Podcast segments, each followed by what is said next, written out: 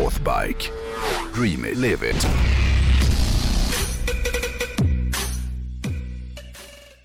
Den här veckan så blev det liksom, det blev ett frossande i, i 80-talet. Ja. Alltså i dealen med bilen. Ja. Ja, och först hade jag tänkt att jag skulle eh, lista de sämsta hojarna i filmhistorien. Lite apropå det vi, vi pratade om förut. Men så kom jag på att det har du redan gjort för några veckor sedan.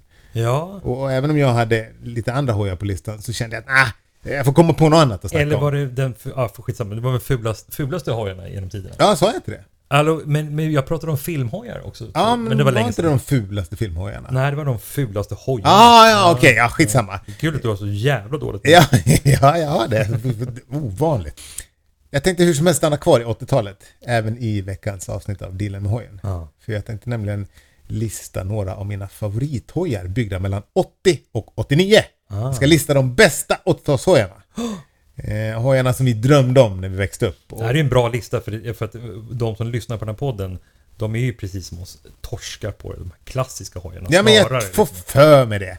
Eh, och, och, och liksom de här hojarna som man drömde om som liten, det är de, de som också på något sätt ligger till grund för den smak som man har utvecklat idag eh, när det kommer till motorcyklar. Och, och nu sponsras ju det här segmentet av våra vänner på Northbike. Och för att göra det här lite enkelt då, och för att inte det här segmentet ska bli för långt, så tänkte jag, jag tänker att jag håller mig till de hojar som, som kommer från de varumärken som Northbike säljer. Eh, så om någon undrar varför jag inte snackar om liksom Tenerén eller Katanan eller G6 R750, då vet ni varför. Okej, en hoj eh, som jag vet att jag tidigt insåg var ganska speciell var ju BMWs R80 GS från 1980. För även om jag inte liksom, kunde något om hojar när jag var åtta år så fattade jag ändå att det var något speciellt med den här hojen när den kom. Den var ju inte riktigt som, som de andra hojarna. Ovanligt att du väljer en Dakar-hoj. Ja men här är ju ingen Dakar-hoj. Utan det här är ju den första äventyrshojen mer. Den födde ju liksom en helt ny kategori av motorcyklar. Och det var ju just äventyrssegmentet som startade tack vare den här. Och, men jag känner att jag har snackat så jävla mycket om den här R80 GSen i, i podden. Så att jag kanske inte behöver gå in på detaljer. Men, men, men det BMW gjorde, det var de byggde en hoj som eh, till skillnad mot de japanska offroad-hojarna förvisso var mycket tyngre då. Men, men den hade ju då fördelen att den var byggd för att man skulle kunna åka på offroad-äventyr som var mycket, mycket längre än till exempel vad en Yamaha XT klarade av vid, vid, vid samma tidpunkt. Ja. Så den måste ändå vara med på, på, på min lista över åt, viktiga 80-talshojar. Ja, den är så jävla snygg. Ja, eh, och om man ser till vad den har betytt också för mitt motorcykelintresse som ju idag eh, har liksom... Spårat ur. Ja, ja men det är framförallt där åka långt och, och lite så här gubb-adventures. Så känns det som att det finns knappt någon annan hoj som man borde vara mer tacksam för att den eh, finns om man gillar långresor på grus då. För utan den så hade förmodligen det här segmentet inte varit så otroligt utvecklat idag som det är.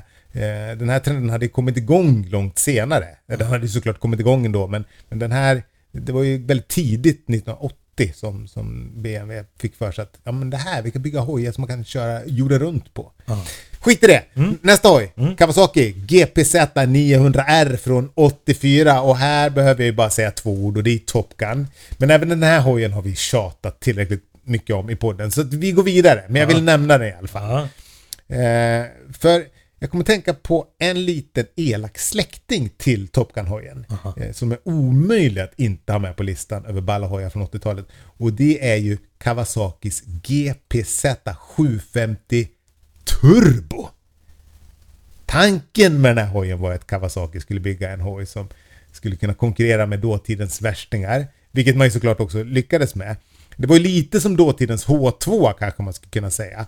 Eh, Och det som gör den här hojen så jävla 80-tal är ju att den hade turbo. Eh, Vi har ju konstaterat att ordet turbo tillsammans med freestyle och Miami Vice och Pac-Man, Hubba Bubba kanske. Det är ju de orden som definierar 80-talet bäst på något sätt. Verkligen. Framförallt tur, ordet turbo tycker jag.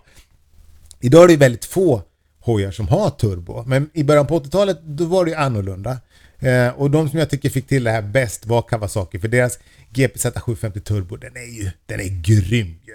Den hade en turboladdad 738 kubiks fyrcylindermotor på 112 hästar. Som tryckte upp den här hojen i 235 km i timmen. Och även om det inte är speciellt imponerande idag, för det är ju nästan den prestandan som min Scrambler har, vilket på ett sätt är sinnessjukt. Eh, Men det var väldigt mycket på den tiden. Kawasaki hävdade ju till och med att, att det här var världens snabbaste serietillverkade hoj 84. Om det stämmer, det vet jag inte, men ball var den ju. Ändå. Skitball. Förstå vad läskigt att ha en turboläg. Mm, ja, precis. hoj. Ja, och turbolägena på 80-talet var ju, de var väldigt tydliga också. Ja, de var de inte direkt diskreta. Nej, det det bara, var ju typ fem- pum, så var fem det, minuter. Ja, sen kom det en spark i nacken. bara. Ja. Vi hoppar fram lite i tiden, till 88.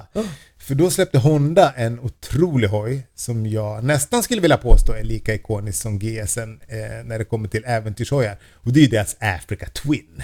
Den kom ju 88.